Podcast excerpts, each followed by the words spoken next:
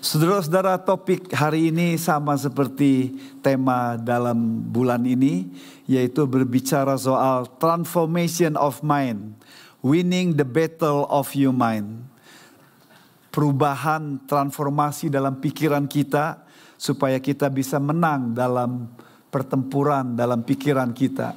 Mungkin saudara sedang bertempur dalam pikiran saudara minggu lalu dan minggu ini juga dan juga pada saat sedang berkhotbah ini, saudara harus bertempur dengan pikiran saudara supaya konsentrasi dengan apa yang uh, saat ini di tengah-tengah pergumulan, persoalan, dan apa yang sedang terjadi dalam kehidupan saudara.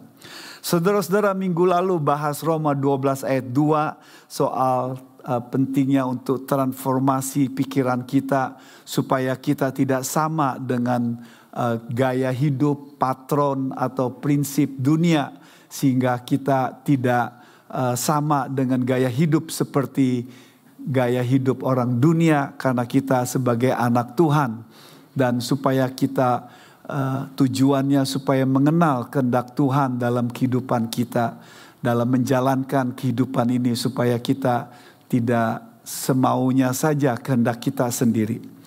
Hari ini saudara-saudara seri yang kedua bicara soal winning the battle of your mind adalah bicara control your mind.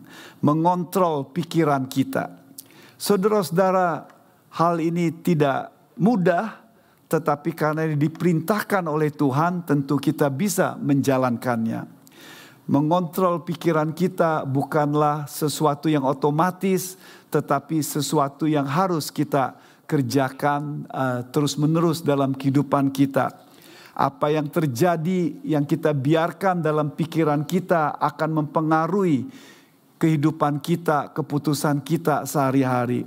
Di Jawa Barat beberapa tahun lalu diceritakan sesuatu menggemparkan di satu desa karena seorang remaja yang tiba-tiba memperkosa seorang nenek uh, tetangganya dan ketika diamati oleh polisi kedapatan bahwa sang remaja ini biasa nonton pornografi dan pikirannya dikuasai oleh hal-hal seperti itu sehingga akhirnya dia tidak bisa mengontrol dirinya.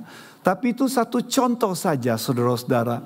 Ada banyak contoh yang lain yang akhirnya menghancurkan seseorang ketika keluarga, suami, istri, pemuda, pemudi, pengusaha yang tidak bisa mengontrol pikirannya akan menghancurkan kehidupannya. Apakah itu dalam bidang seks, bidang keuangan, atau waktunya, atau apa yang terjadi dalam kehidupannya.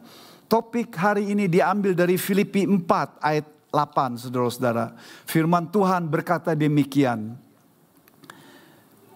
Jadi akhirnya saudara-saudara, semua yang benar, semua yang mulia, semua yang adil, semua yang suci, semua yang manis, semua yang sedap didengar, semua yang disebut kebajikan dan patut dipuji, pikirkanlah semuanya itu.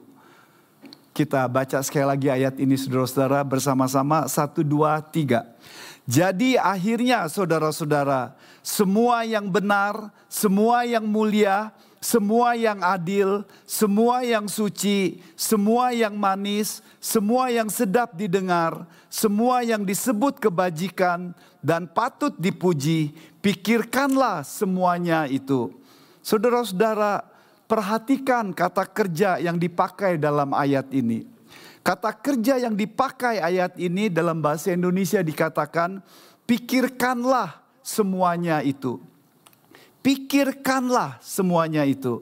Beberapa terjemahan dari Alkitab berkata demikian. Think about this thing. Dari terjemahan uh, eh, EFV maupun dari NET. Lalu kemudian terjemahan dari Christian Standard Bible dan New American Standard Bible pakai istilah dwell on this thing. Dwell, berdiamlah, diamlah untuk memikirkan hal-hal seperti tersebut. New Living Translation pakai istilah fix your thoughts on.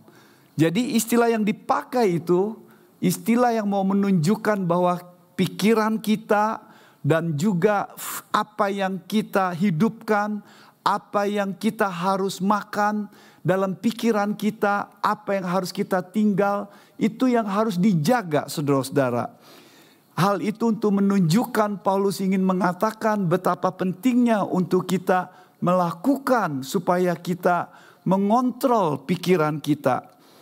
Kata kerja yang dipakai ini saudara-saudara supaya saudara mengerti, saya belajar bahasa Yunani tapi bukan sesuatu yang ahli, tetapi mengerti supaya saudara lebih mengerti nats ini lebih bagus.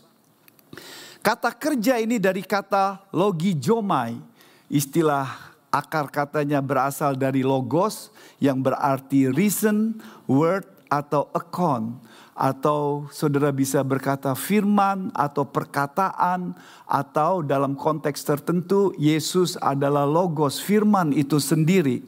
Tetapi nats ini sedang berbicara soal bicara soal thoughts, soal pikiran, soal alasan yang harus kita jaga. Dan istilah logi jomai ini yang di mana saudara kita dapatkan istilah logis saudara-saudara. Istilah logis uh, harus logis dong. Nah itu istilah itulah dari kata Yunani saudara-saudara.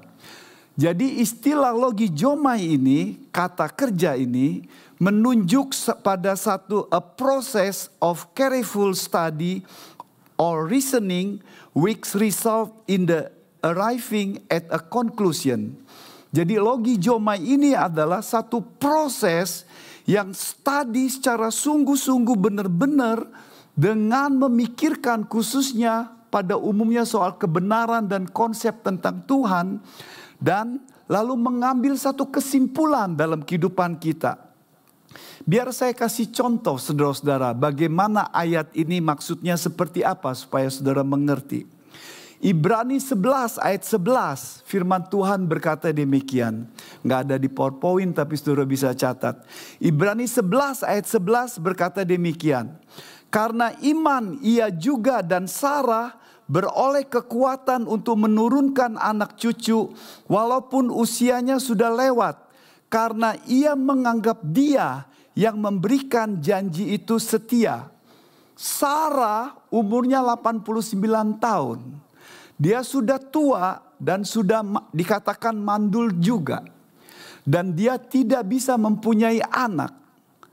Tapi dia berkata, ah, firman Tuhan berkata Ibrani 11 ayat 11, ia menganggap dia yaitu Allah yang memberikan janjinya itu setia. Istilah menganggap di situ adalah dari kata kerjanya yang bisa diartikan two things be opinions, suppose, to consider.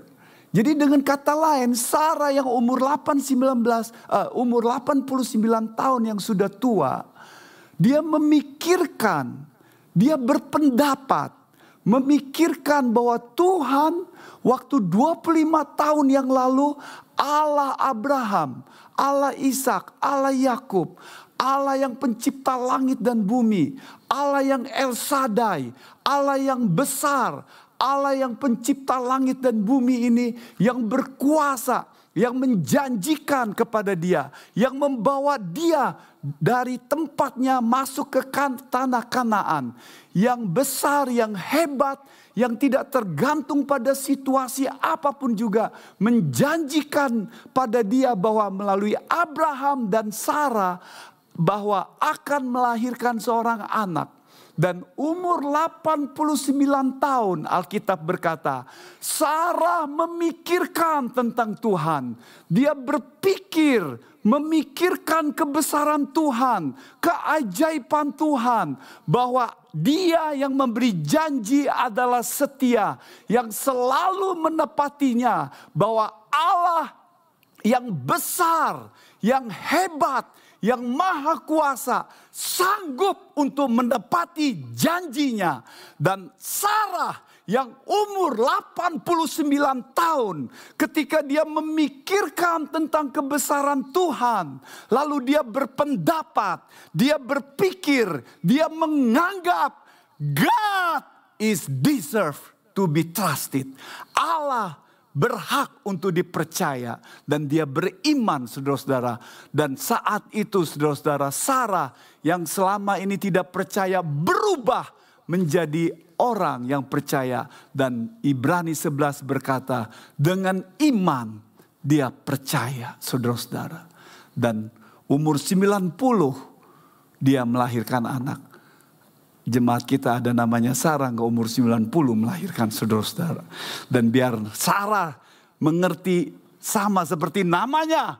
Punya iman yang percaya bahwa Allah itu setia tidak tergantung pada situasi dan kondisi keadaannya dalam mengambil keputusan dalam kehidupannya sehari-hari.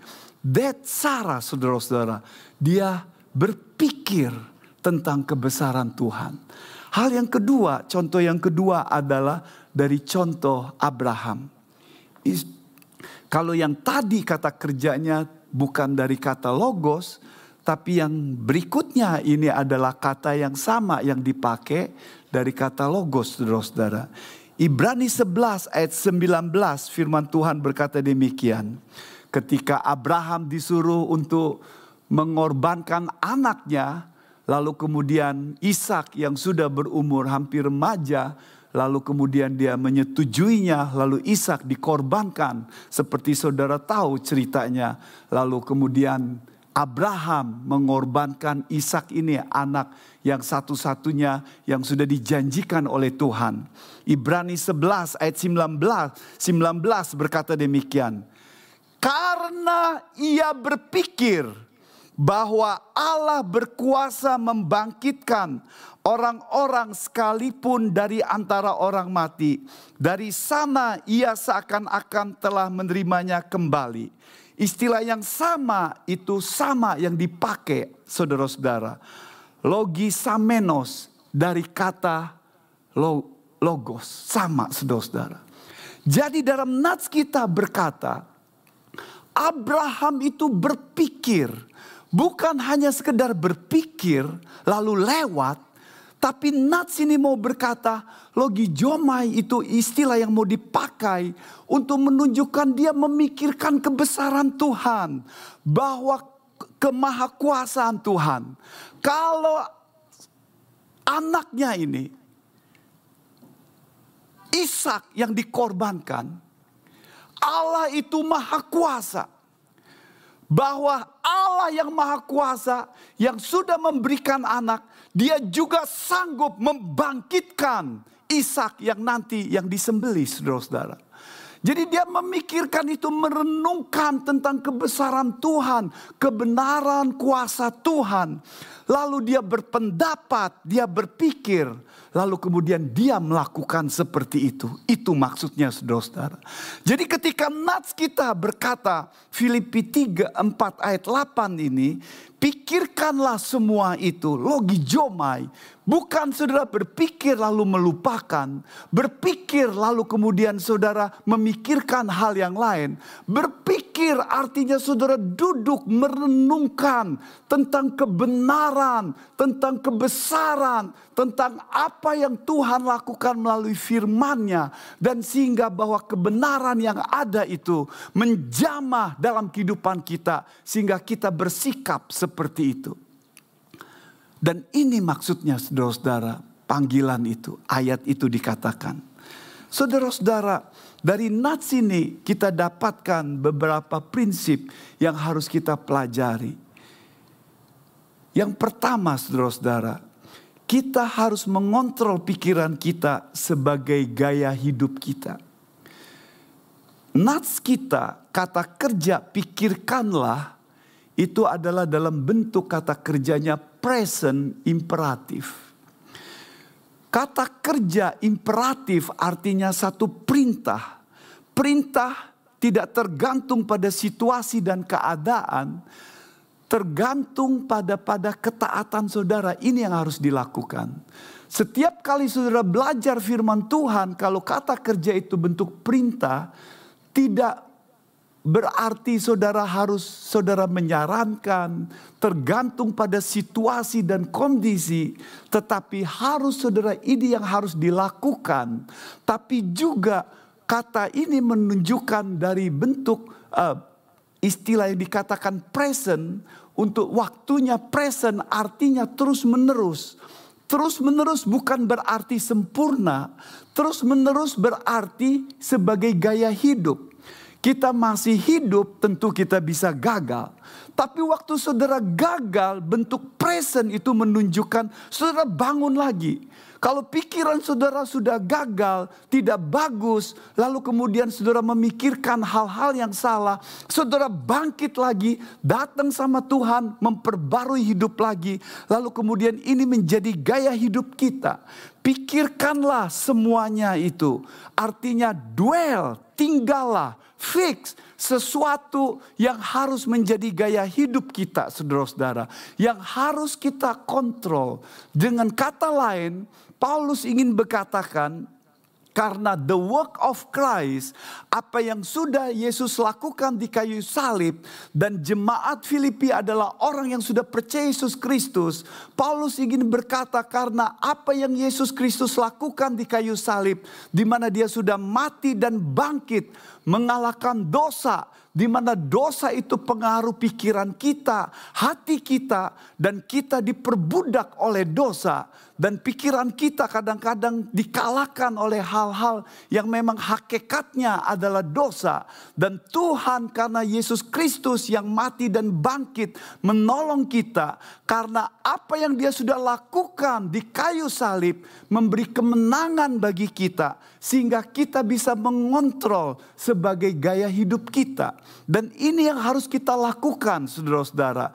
Dan kalau di masa lampau saudara diperbudak oleh sesuatu yang tidak bagus. Dihancurkan oleh pikiran-pikiran yang tidak benar. Kiranya ketika saudara mendengar khotbah ini. Saudara pulang disegarkan bahwa by God grace oleh karena kemenangan Kristus kita bisa mengontrol uh, pikiran kita saudara-saudara. Mengapa kita harus mengontrol pikiran kita? Why? Mengapa saudara harus mengontrol pikiran saudara? Yang pertama, pikiran kita itu mengontrol kehidupan kita. Your thoughts control your life. Pikiran kita mengontrol hidup kita. Sikap, tindakan, keputusan-keputusan yang diambil. Biar saya baca dari tiga Amsal saudara-saudara. Buku Amsal, Amsal mau menunjukkan bahwa ada kebenaran yang kita harus uh, pegang. Uh, demikian firman Tuhan. Amsal 4 ayat 23. Firman Tuhan berkata demikian. Ketika Amsal berbicara soal hati, sama seperti dalam perjanjian baru ketika Yesus bicara soal hati. Itu merupakan bukan pusat perasaan. Tapi pusat daripada pikiran kita. Di mana akhirnya kita mengambil segala keputusan. Amsal 4 ayat 23. Jagalah hatimu karena dari sana terpancar kehidupan. Amsal 4 ayat 23. Jadi betapa pikiran itu dari hati kita yang harus dijaga. Karena dari situlah hati yang rusak, hati yang tidak bagus akan mengambil sesuatu keputusan yang tidak bagus. Yang menghancurkan gaya hidup kita. Yesus berkata dari pikiran yang tidak bagus itu muncullah kata-kata. Dari luapan pikiran yang tidak bagus, kata-kata yang tidak bagus. Ketika pikiran kita lagi susah, lagi sedih, lagi marah, lagi penuh iri hati, lalu penuh kebencian, penuh dengan kata-kata yang tidak bagus, akan keluar dari kata-kata kita. Hati, pikiran itu punya pengaruh. Yesus berkata kata-kata itu luapan daripada pikiran kita. Amsal 4:23 seperti itu. Amsal 23 ayat 19 firman Tuhan berkata demikian. What he think in his heart, so is he. Apa yang dia pikirkan dalam pikirannya, hatinya, dialah seperti itu. Kalau saudara memikirkan bahwa saudara kadang-kadang, waduh saya jelek, saya nggak bagus. Tanpa saudara sadari, itulah yang saudara pikirkan dalam kehidupan saudara. Amsal 27 ayat 19. Seperti air memancarkan muka kita, demikian hati kita terlihat memancarkan kehidupan kita. Jadi poin yang mau dikatakan adalah betapa pikiran itu punya mengontrol daripada kehidupan kita. Betapa pentingnya saudara-saudara. Yang kedua, kenapa kita harus mengontrol pikiran kita? Karena pikiran kita itu adalah tempat peperangan yang berhubungan dengan dosa dan juga cobaan hidup kita. Dari mana asalnya seseorang mencuri? Dari pikirannya. Dari mana seseorang melakukan sesuatu, misalnya waktu dia kuliah menyontek, dari pikirannya lebih dahulu. Kenapa dia benci sama seseorang? Hatinya penuh kebencian. Kenapa dia ingin melakukan pembunuhan? Karena hatinya yang sudah pengen melakukan dendam dan sakit hati. Jadi pikiran itu punya pengaruh. Dan itu terbukti seperti khotbah saya sebelumnya saudara-saudara. Ketika kita berhubungan dengan dosa. Ketika Alkitab berkata bahwa iblis tahu bahwa pikiran itu merupakan tempat yang gampang sekali untuk tempat godaan. Ketika pikiran ini dihancurkan, maka orang Kristen itu kalah. Hal yang sama ketika dia menggoda Hawa. Hawa digoda dengan pikiran. Sama-sama dia mengutip apa yang dijanjikan oleh Tuhan. Iblis berkata, semua buah yang ada di taman ini nggak boleh dimakan bukan? Sedangkan Tuhan berkata semua boleh dimakan hanya satu yang tidak. Jadi iblis memakai firman Tuhan, apa yang Tuhan katakan supaya meragukan pikiran daripada si Hawa. Lalu Hawa juga melakukan hal yang sama. Hawa melakukan dengan pikirannya yang salah terhadap apa yang dia pandang tentang firman Tuhan. Sedangkan Alkitab berkata, kalau kamu pada waktu engkau makan, pada waktu engkau makan buah itu, engkau pasti akan mati. Tetapi Hawa menafsirkannya seperti ini dalam pikirannya. Pad, kalau saya makan buah itu, saya akan mati. Jadi beda saudara-saudara. Hawa menafsirkan kalau saya makan nanti saya akan mati. Lalu dia menafsirkan lebih jauh lagi saya akan seperti Tuhan katanya. Jadi saudara-saudara, dia menafsirkan sesuatu yang jauh, yang tidak benar karena pikirannya. Dan ketika pikiran Hawa sudah rusak, tidak bagus, lalu dia mengambil keputusan yang salah, yaitu tidak taat makan buah yang dilarang oleh Tuhan. Hal yang sama dalam kehidupan kita, saudara-saudara. Your mind is the battle of the war. Pikiran kita itu adalah tempat pertempuran dalam kehidupan kita yang harus dijaga dalam cobaan, tapi juga dalam jatuh dalam dosa, saudara-saudara. Jadi, iblis tahu itu tempat yang rawan. Dia menyerang pikiran saudara. Iblis tahu dan dunia juga tahu. Dia kasih konsep-konsep yang salah itu lalu dimasukkan dalam kehidupan kita dan itu akan menghancurkan. Tapi firman Tuhan hari ini berkata, kita tidak mau dikalahkan hal yang seperti itu. Karena kita tahu bahwa pikiran itu penting dan punya pengaruh dalam kehidupan kita firman Tuhan berkata, dwell, tinggallah, things, pikirlah, fix, biarlah kita terus menerus memikirkan hal-hal yang apa yang benar, apa yang bagus dalam kehidupan kita. Kontrollah pikiran yang menghancurkan, pikiran-pikiran yang destruktif thought dalam kehidupan saudara. Saudara-saudara dalam kenyataan kehidupan kita ada pikiran-pikiran yang menghancurkan kehidupan banyak orang Kristen. Destruktif thought dalam kehidupan saudara. Saudara tidak bertanggung jawab apa yang orang lain pikirkan. Saudara bertanggung jawab apa yang saudara pikirkan. Dan kita harus memikirkan bukan tentang diri kita Ketika kita memikirkan diri kita, kita harus memikirkan apa yang Allah pikirkan tentang kita. Dengar baik-baik saudara-saudara. Ketika kita berpikir tentang diri kita, saudara jangan berpikir tentang pikiran saudara sendiri.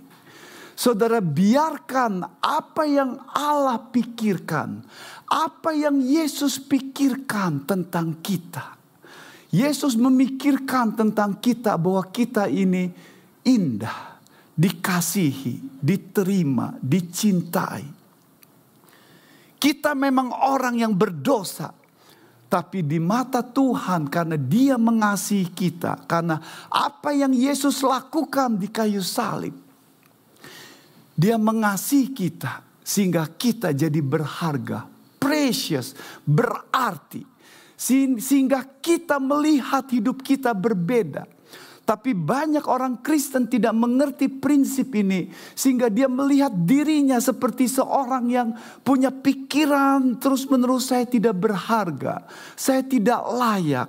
Saya punya self image yang rendah. Ketika memikirkan masa depan, masa depan itu madesu, penuh dengan problem, penuh dengan tantangan. Saya tidak sanggup, saya tidak mampu bahwa saya tidak diperhatikan oleh Tuhan. Ketika situasi dan keadaan yang terjadi, kita lupa apa yang dikatakan oleh Roma pasal 8 ayat 28 bahwa Tuhan turut bekerja mendatangkan kebaikan kita. Tapi banyak orang Kristen yang dipengaruhi masa lampaunya tidak selesai dengan masa lampaunya. Masa lampaunya mengejar-ngejar dia sehingga dia melihat masa lampau itu menjadi satu trauma, tidak mampu, lumpuh karena masa lampau yang terjadi.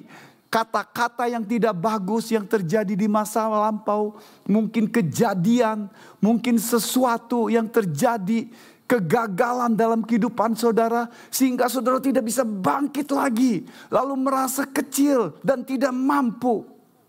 Dan sepertinya saudara berkata, Lupa bahwa Yesus Kristus yang sudah mati dan bangkit dalam kehidupan kita.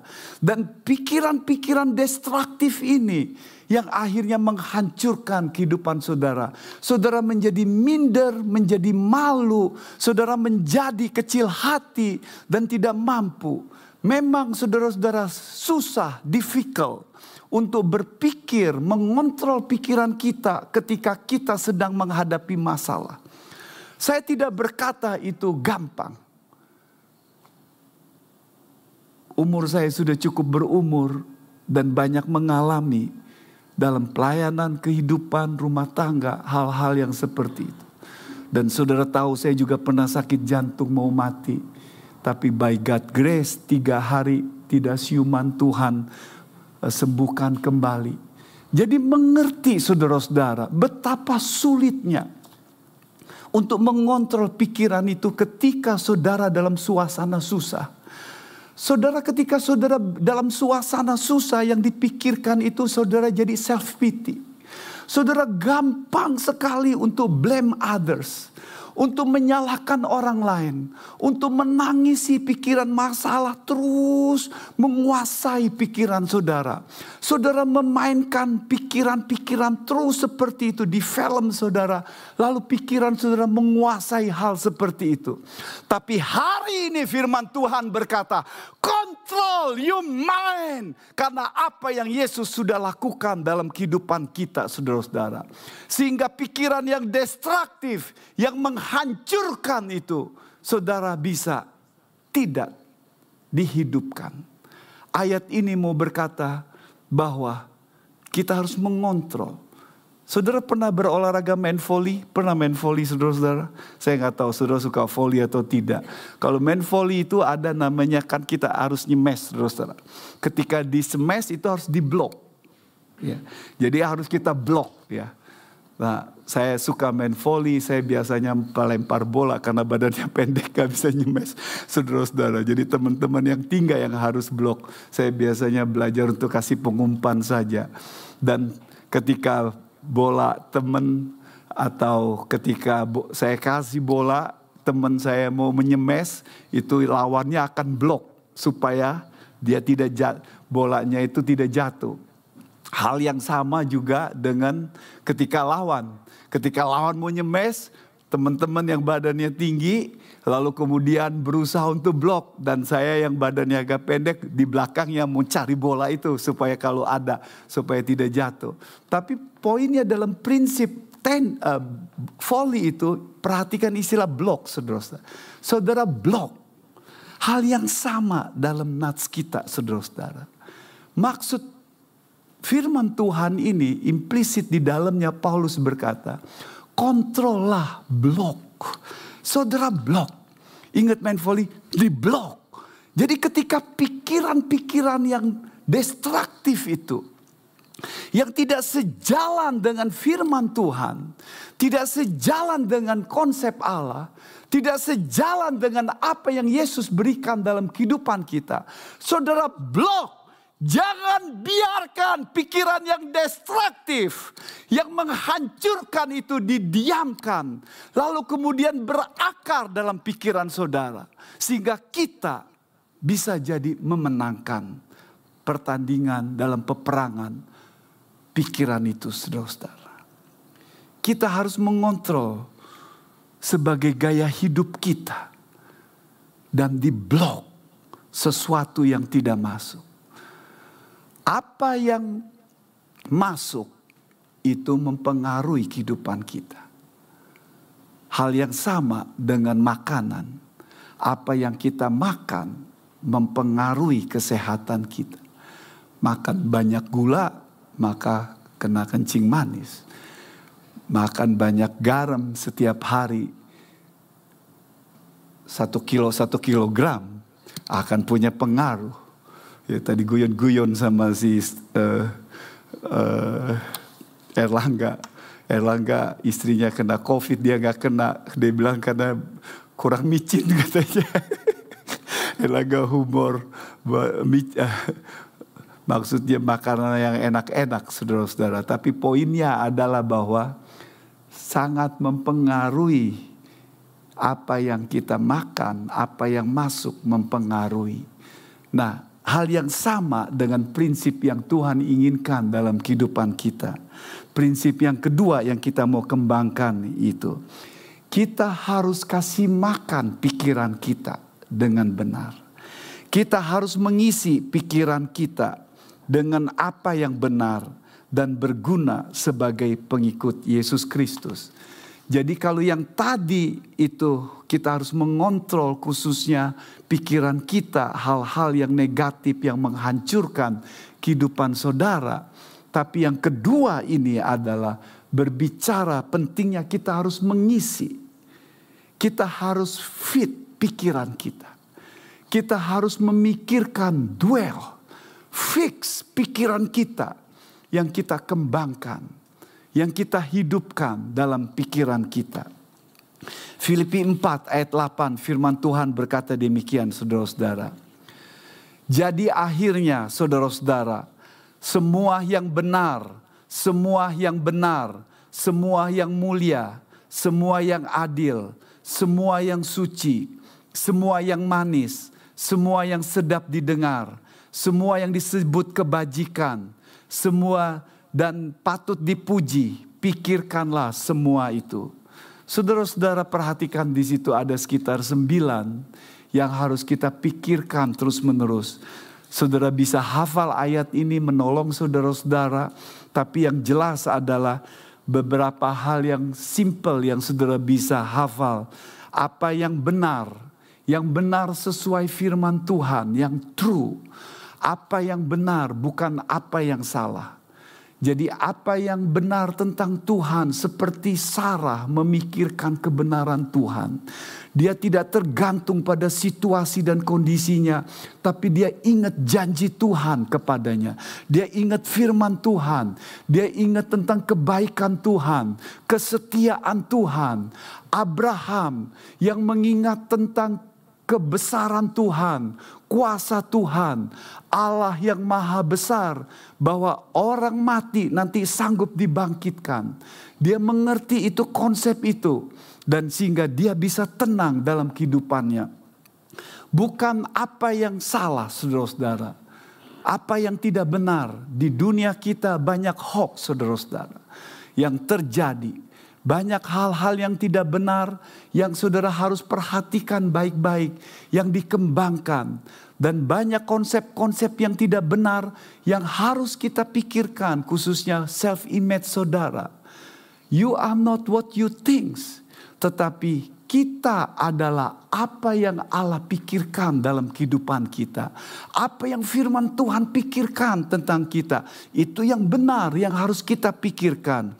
Semua yang mulia, yang honorable. Semua yang mulia, yang sedap untuk didengar. Pikirkan hal yang seperti itu. Semua yang adil, yang just, yang berbicara soal accurate, sesuatu yang akurat tekanannya di situ saudara-saudara. Semua yang kalau tadi benar itu lawannya false, tapi adil di sini maksudnya yang benar, yang akurat, yang sesuai dengan keadilan, yang pas. Jadi dijauhkan saudara untuk menghidupkan gosip menghidupkan sesuatu yang memang saudara tahu bahwa itu tidak akurat dan tidak benar tentang teman, tentang gereja, atau orang lain, atau tentang diri saudara. Semua yang pure, yang suci, yang benar, yang di mata Tuhan, yang berhubungan dengan kesucian Tuhan, tentang sesuatu yang tidak berhubungan dengan noda, yang najis, hal-hal yang mengotori pikiran, yang berhubungan dengan hawa nafsu, yang berhubungan dengan penyelewengan seks, yang berhubungan dengan sesuatu yang yang salah. Dan ketika itu muncul, saudara cepat blok, lalu memikirkan tentang kebesaran Tuhan, kesucian daripada Tuhan. Semua yang manis, lovely, semua yang enak didengar, bukan sesuatu yang tidak enak didengar. Semua yang sedap untuk didengar. Istilah yang dipakai di situ sebenarnya semua yang kata-kata yang bagus, bukan cara kata-kata yang bagus. Bisa seseorang ngomongnya manis bagus, tapi isinya nggak bagus, saudara-saudara. Jadi yang maksudkan di sini adalah semuanya yang speak well, sesuatu yang bagus, yang baik, yang kita kembangkan. Lalu kemudian semua yang sedap untuk didengar, yang dalam pikiran kita apa yang kita dengar itu membangun hidup kita supaya kita makin serupa dengan Kristus Yesus, supaya kita makin bertumbuh seperti Yesus Kristus, supaya kita makin cinta kepada Yesus Kristus. Semua yang membangun kehidupan kita dan semua yang kebajikan, excellent, yang berhubungan dengan moral, sesuatu yang harus kita kembangkan dalam pikiran kita. Jadi poinnya adalah saudara-saudara, hidupkanlah, kembangkanlah, fit, kasih makan hal-hal yang seperti itu dalam pikiran kita, yaitu berhubungan dengan kebenaran Tuhan, berhubungan dengan karakter Tuhan, berhubungan dengan pribadi daripada Yesus Kristus yang menjadi pusat kebenaran, kesucian kehidupan kita. Kita pikirkan sehingga kita menjadi bertumbuh sebagai anak Tuhan. Kita menjadi sehat. Saudara bertanggung jawab untuk sehat pikiran saudara. saudara diberi choice, diberi kesempatan untuk melakukan itu. Yesus memberikan kemenangan dengan dia mati dan bangkit dalam kehidupan kita. We have the power governing our thoughts because of the work of Christ. Kita punya kuasa untuk mengontrol pikiran kita, bukan karena kita mampu, bukan karena kita bisa, karena Yesus Kristus yang sudah mati di kayu salib untuk kita, yang sudah mengalahkan kuasa dosa itu dalam pikiran kita, memampukan kita untuk kita bisa menang, tidak diperbudak untuk hal-hal yang akan menghancurkan. Saudara, hal-hal ini sangat indah sekali karena nats ini khususnya saudara-saudara dilanjutkan dengan ayat 10 yaitu supaya kita hidup well, hidup dalam ketaatan. Kalau ayat ayat ke-8 berbicara soal pikiran yang benar. Ayat 9 berbicara soal hidup yang benar. Lalu ayat sebelumnya berbicara tentang ayat ke-6 dan 7 bicara soal doa yang benar di tengah situasi dan keadaan. Jadi nats ini begitu indah saudara-saudara. Ayat 6 dan 7 berbicara Filipi 4, 6, 7 bicara soal doa yang benar di tengah situasi dan keadaan kita. Lalu kemudian ayat 9 bicara soal pikiran yang benar, pikiran yang sehat, pikiran yang dikontrol sesuai dengan kebenaran Tuhan. Lalu kemudian ayat 9 bicara soal living yang benar, hidup yang benar, yaitu dengan ketaatan. Ketika kita pikiran kita sehat, maka hidup kita jadi sehat. Relasi hubungan suami istri jadi sehat, jadi indah. Orang tua jadi sama anaknya sehat, anak punya pikiran yang baik, yang benar, tidak ada rasanya sakit hati dengan orang tuanya, kesel sama orang tuanya, papa mama juga hal yang sama, dengan teman juga hal yang sama seperti itu, karena pikiran kita pikiran yang sehat, pikiran yang benar, pikiran yang sesuai dengan kebenaran firman Tuhan yang honor, yang layak dipuji untuk kemuliaan Tuhan kita Yesus Kristus dan yang suci saudara-saudara. Dan ini bisa kita lakukan karena God grace, karena the work of Yesus Kristus yang mati di kayu salib. Saudara tidak mampu dengan pikiran saudara sendiri, tetapi kita sebagai anak Tuhan Yesus yang mati di kayu salib memberikan kita kemampuan bahwa kita bisa mengontrol karena the work of Jesus Christ, saudara-saudara. Sehingga saudara sebagai mahasiswa, saudara bisa konsentrasi belajar, tidak terganggu dengan pikiran-pikiran yang membuat saudara tidak konsentrasi. Ketika saudara bekerja, ketika saudara berkarya, ketika saudara membangun bisnis, melakukan sesuatu, baik, saudara bisa fokus, tidak dihancurkan dengan pikiran yang tidak bagus. Dan terlebih daripada itu saudara-saudara, pikiran yang sehat ini menolong kita supaya kita makin bertumbuh. Karakter si kita, sifat kita kepada Yesus Kristus sehingga makin memuliakan Yesus Kristus. Tuhan tidak ingin saudara pikiran saudara itu dipen, uh, menghancurkan saudara. Tuhan tidak ingin seperti itu. Saudara lama menjadi anak Tuhan tapi pikiran saudara tidak sehat. Tuhan tidak mau seperti itu. Tuhan ingin menjamah bahkan saudara-saudara. Seseorang pernah berkata demikian. Tuhan lebih concern mengubah pikiran saudara daripada your circumstances. Tuhan lebih concern mengubah pikiran kita daripada situasi saudara. Karena ketika situasi diubah, pikiran saudara tidak berubah. Nanti ketika jadi lagi dengan situasi saudara, saudara sama saja, sama saja.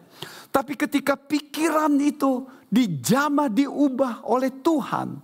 Saudara akan jadi bebas di tengah situasi dan kondisi apa pun juga. Saudara bisa menang, memenangkan pertandingan, peperangan dengan pikiran saudara yang menghancurkan itu saudara-saudara. Seorang India yang sudah berumur ketemu sama seorang misioneri yang mud yang datang ke daerahnya. Lalu dia share tentang pengalaman kekristenannya. Dia berkata sama bapak misioneri ini, dia bilang, "Hei, Pak," katanya. Dalam diri saya ada pergumulan antara kerohanian dan pertempuran kerohanian pikiran saya. Itu seperti anjing hitam sama anjing putih katanya. Lalu misioner itu tanya, siapa yang menang katanya. Pak tua siapa yang menang? Pertempuran itu anjing putih atau anjing hitam? Lalu bapak tua itu berkata demikian. Dia berkata, yang menang itu adalah anjing yang saya kasih makan. Dalam pikiran saya, apa yang saya kasih makan itu yang menang. Saudara-saudara, kita biarlah pulang firman Tuhan hari ini berkata, pikirkanlah semua itu. By God grace, kita bisa mengontrol dan kasih makan pikiran saudara. Pikiran yang sehat, yang benar tentang karakter Yesus Kristus dan tentang kebenaran firman Tuhan. Dihidupkan sehingga saudara bisa sehat, kuat dalam menghadapi tantangan saudara. Mari kita berdoa bersama-sama saudara-saudara.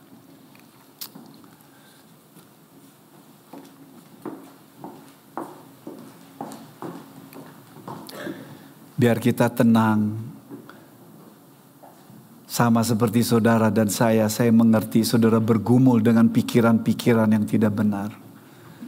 Pikiran yang kotor, pikiran yang tidak sehat, pikiran yang tidak benar, self image yang salah. Yang kadang-kadang menghantui. Tapi biar hari ini saudara disegarkan oleh kebenaran firman Tuhan. Dan kita kasih makan pikiran kita yang sehat. Yang tidak sehat itu kita tinggalkan, tidak dihidupkan, diblok, dan kita pulang. Disegarkan kebenaran firman Tuhan. Merenungkan tentang Yesus Kristus. Merenungkan tentang karakter Allah. Kebenaran-kebenarannya yang duel, yang tinggal dalam kehidupan kita. Sehingga kita bisa mengontrol pikiran kita dan menang atas peperangan dalam pikiran yang tidak sehat ini. Mari kita bangkit berdiri bersama-sama kita nyanyikan lagu ini dengan berkata Tuhan inilah saya, saya ingin hidup saya supaya bisa menyenangkan Tuhan. Ku hidup bagimu. Dan kita berkata termasuk pikiran saya, saya mau serahkan kepada Engkau ya Tuhan. Dan biar kita mau dikontrol oleh Tuhan kita Yesus Kristus.